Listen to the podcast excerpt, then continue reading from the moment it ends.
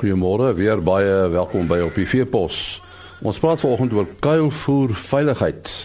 En dan praat Dr. Dani Oudendal van die veeartsnetwerk oor hoe mense 'n slimfoon kan gebruik om siektes onder jou diere te rapporteer. Ons uh, gesels nou met Richard Venter van uh, Veeplaas kuilvoer veiligheid. Hy het 'n internasionale kongres in Brasilia bygewoon waar kuilvoer veiligheid uh, dit is nou uh, met die maak van kuilvoer uh um, ter sprake gekom het.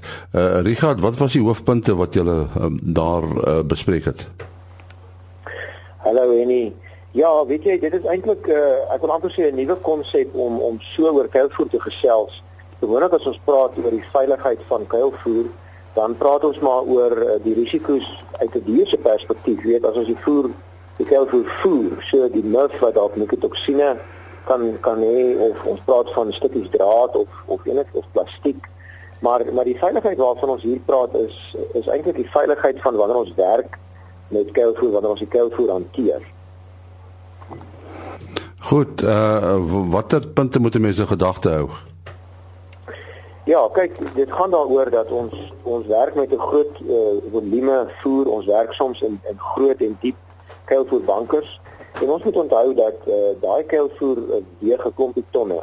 Waar die hele ding vandaan kom is eintlik 'n uh, uh, insident in Amerika om langs by 'n groot melkery waar 'n uh, 'n kuilvoerbanker se gesig uh, afgeval het bo op 'n uh, werker en hom toe nou doodgeval het. Ehm um, dit het intendeel baie lank gevat vir hulle om hom te kry want omdat hy toegelê het onder die kuilvoer en omdat hy alleen daar was toe hy daarmee gewerk het het hulle nie geweet uh, wat van hom geword het nie en uh, toe ek het maar net gedink hierdie is eintlik raakpunte wat van toepassing is op ons plase elke dag jy weet uh, ons ons werkers maar ook ons konsultante en ons voedingskundiges kom baie uh, alleen in die kuilvoerbanke selfs en uh, ons werk met hierdie verskriklike hoeveelheid uh, kuilvoer voor ons en in daai gesig van daai banker wat 'n paar meter uh, hoog is sou omval dan het ons eintlik 'n uh, baie groot uh, risiko situasie. So wat moet 'n mens maak om nou uh veiligheid te verseker? Ek ek dink een van die belangrikste konsepte uh, is wat ons eintlik maar net hier moet aanspreek is dat die dat ons nooit alleen in 'n kuilvoerbanker moet werk nie ehm um, of ons nou uh, die arbeiders is en of ons nou konsultante of voedingskundiges is wat dalk monsters uh, neem. Uh, ek dink dit is baie goed om alleen in 'n banker te wees of sonder die medewete van die boer nie. En verder dink ek as ons uh, voor daai kou voor bankers se gesig staan, dan moet ons besef waarmee ons hier werk. So ons moet ons moet observeer. Ons moet kyk wat sien ons? Sien ons dalk dat hierdie voor besig is om los te kom? Sien ons dalk dat dit uh, so uitgehaal is dat hy oorhang dat daar 'n groot deel bo jou sit soos met 'n oorhangkrans amper effek. Uh, en dan moet ons tog ons nou logies dink en sê maar weet jy wat, dit is gevaarlik om hier te staan, is gevaarlik om hier nou te keer want hierdie klomp kuilvoer kan op my val en as daar net 'n gedeelte van daai gesig val, dit is sommer 'n hele klomp 'n uh, uh, hele klomp tonne kuilvoer wat op ons val. Uh, is dit nie nodig dat mense sogenaamde uh, risiko audit moet doen uh, wanneer mense met kuilvoer werk nie want ons praat nou van kuilvoer wat op jou kan val. Maar ek dink nou aan kuilvoer stof as mense dit inasem, is dit 'n probleem? Weet jy nie omdat die kuilvoer oor die algemeen uh, redelik nat is, is daar nie eintlik 'n stoffaktor nie. Ehm um, wat wel interessant is is uh, is dat daar is wel uh, gasse teenwoordig. Ons weet van die vlugtige uh, vetsure en so aan, maar oor die algemeen is die gasse wat ons kry in kuilvoer of in bankers daarom gelukkig nie so intens of so skadelik dat mense iets daarvan kan oorkom nie.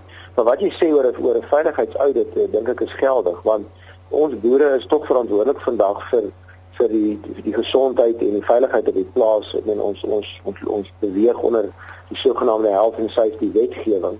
En en hierdie val eintlik alles daaronder, jy weet, om om ons arbeiders op te lei oor die onderwerp om hulle toe te rus met veiligheidstoerusting en om hulle bewus te maak van die risiko's en om dalk 'n prosedure in plek te hê, jy weet soos 'n standaard prosedure van wanneer ons kyk vir banke toe gaan, hoe werk ons, jy weet, wie sê ons ons gaan soheen toe, hoe gaan ons te werk? Is ons alleen daar? Het ons dalk 'n vorm wat ons invul uh van wanneer ek daar was of of gaan wees? Dit daar's definitief prosedure wat 'n ou kan in uh, in in werking sit wat uh, die veiligheid en die monitering daar rondom kan kan verbeter. Jy jy het nou al baie boere besoek wat met kuilvoer werk. Wat is jou indruk? Is meeste van die boere daarom uh op datum wat veiligheid betref? En ek is jammer om te sê dat ek dink nee, ek dink as dit by kuilvoer spesifiek kom, uh dink ek nie is daar enige vorm van uh be, be, van bewustheid rondom veiligheid eintlik daar nie. Ek dink die enigste bewustheid wat daar is is wanneer mense bo op die banker loop by die gesig waar 'n ou darm bewus is jy moenie te naby aan die kant trap want dan kan jy daai hoeveelheid kuilvoer aftrap en jy kan afval. Maar maar waar ek in kuilvoer bankers uh, honderde en nie duisende kere al was, kan ek nie van een keer onthou waar iemand gesê het, weet jy wat, wees versigtig want hier is 'n groot klomp kuilvoer wat oorhang en dit kan op jou val. So ek dink ons kan regtig almal beter doen in die bewustheid en die bewuswording rondom die veiligheidsaspekte wanneer ons met die kuilvoer werk. Dis miskien 'n aspek wat mense in die volgende kuilvoer koning kompetisie kan aanwerk. Ja, dis ook 'n goeie idee. Uh, die kuilvoer kompetisie het ten doel mos nou om boere te help om kuilvoer beter te benut en te bestuur. En ek dink dit pas baie mooi daarin soos jy reg sê om uh, daardie bewuswording daarmee saam uh, dalk uh, te promoveer. Ja, baie dankie Richard Venter van Veeplas. Nou praat ons met uh, Dr. Dani Oudendal van die Veearts Netwerk. Uh, en ons gaan met hom gesels oor hoe mens moderne tegnologie, ja, die selfoon inspan om uh, jou uh, diere siektes te help bekamp. Hoe gebruik julle die selfoon, uh, Dani? Ja, ons het ehm um, vir die laaste 4 jaar so daar voorheen gesê het die VIA te begin om maandeliks siektes te rapporteer. Ons het 'n papiergebaseerde stelsel oorspronklik gebruik.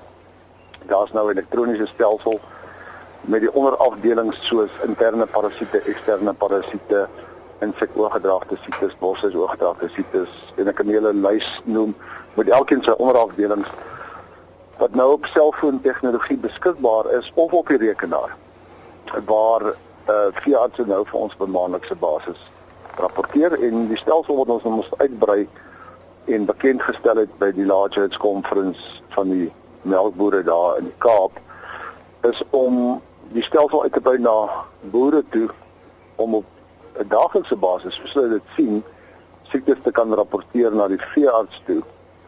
Uh baie dieselfde formaat. Die enigste verskil is dat daai aanmelding gaan direk na die veearts toe wat in daai spesifieke gebied is. So hy het basies 'n groot rooster voor hom op sy rekenaar met sy verskillende boere kliënte se name bo aan en die siektes aan die linkerkant.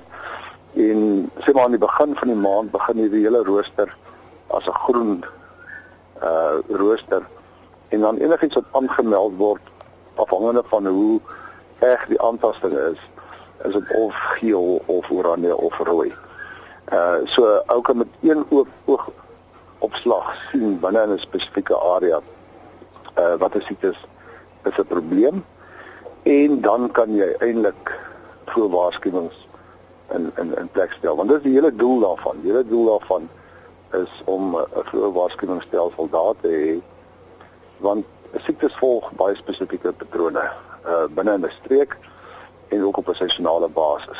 So hierdie tegnologie maak dit nou moontlik uh, en soos gesê dis eerstens kan die boere dit op die rekenaar doen en tweedens doen ons nou die selfoon applikasies waarvan die Android applikasie uh in plek is.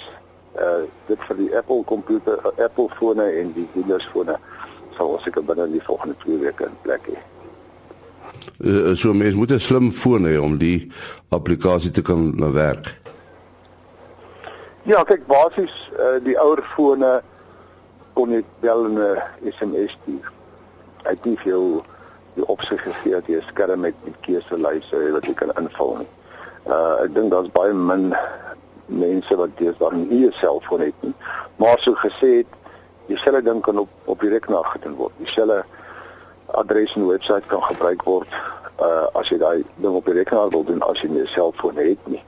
Die belangrike ding is dat die boere direk met hulle veearts kontak, want as die veearts wat vir hulle gebruikersnaam uh in uh wagwoord gee om aan die stelsel deel te neem.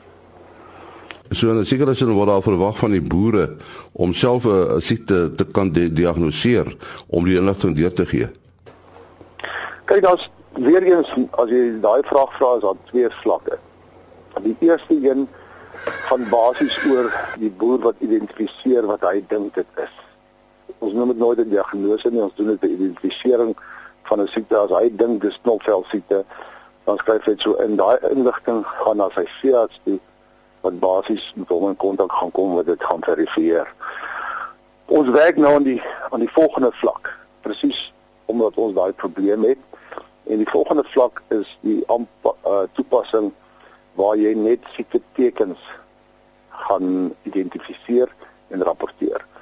So byvoorbeeld sal jy rapporteer dat die dier swak is, hy diarree uh en hy bewe.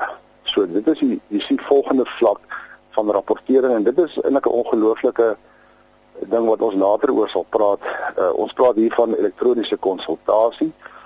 Ons platlandse veeartse alhoewel so geseënd is dat ons oor die 200 praktyke het wat uh, 24 uur kliniese diens lewer is dit net onmoontlik om by almal uit te kom op een dag wat 'n probleem het. So ons moet van nuwe tegnologie gebruik maak.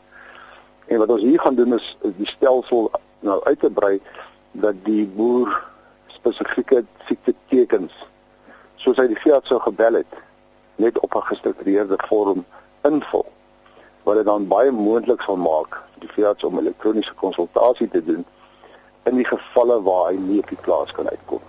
So dit is dit is die volgende stap en hooplik het ons dit binne die volgende 6 maande in plek. Nou as mense wil deelneem aan die uh die stelsel aan die projek, met wie moet hulle in verbinding tree? Kyk, uh, is altyd die beste om met die plaaslike veearts te praat want hulle sal met my kontak. Hulle almal het my kontak besonderhede. Maar as 'n boer nie regkom nie en hy wil uh, inligting na my toe deurstuur om seker te maak hy kom op die stelsel wat hy nou kan kan rapporteer, kan hy vir my 'n e-pos stuur na vnet by absamail.co.za. Sien dit weer daai adres? Vnet Fiat netwerk vnet by absamail.co.za. Met daardie bydrae deur Dr. Dani Odendaal van die Fiat netwerk die einde van die program. Môreoggend om 4 voor 5 is ons terug. Tot dan, mooi loop.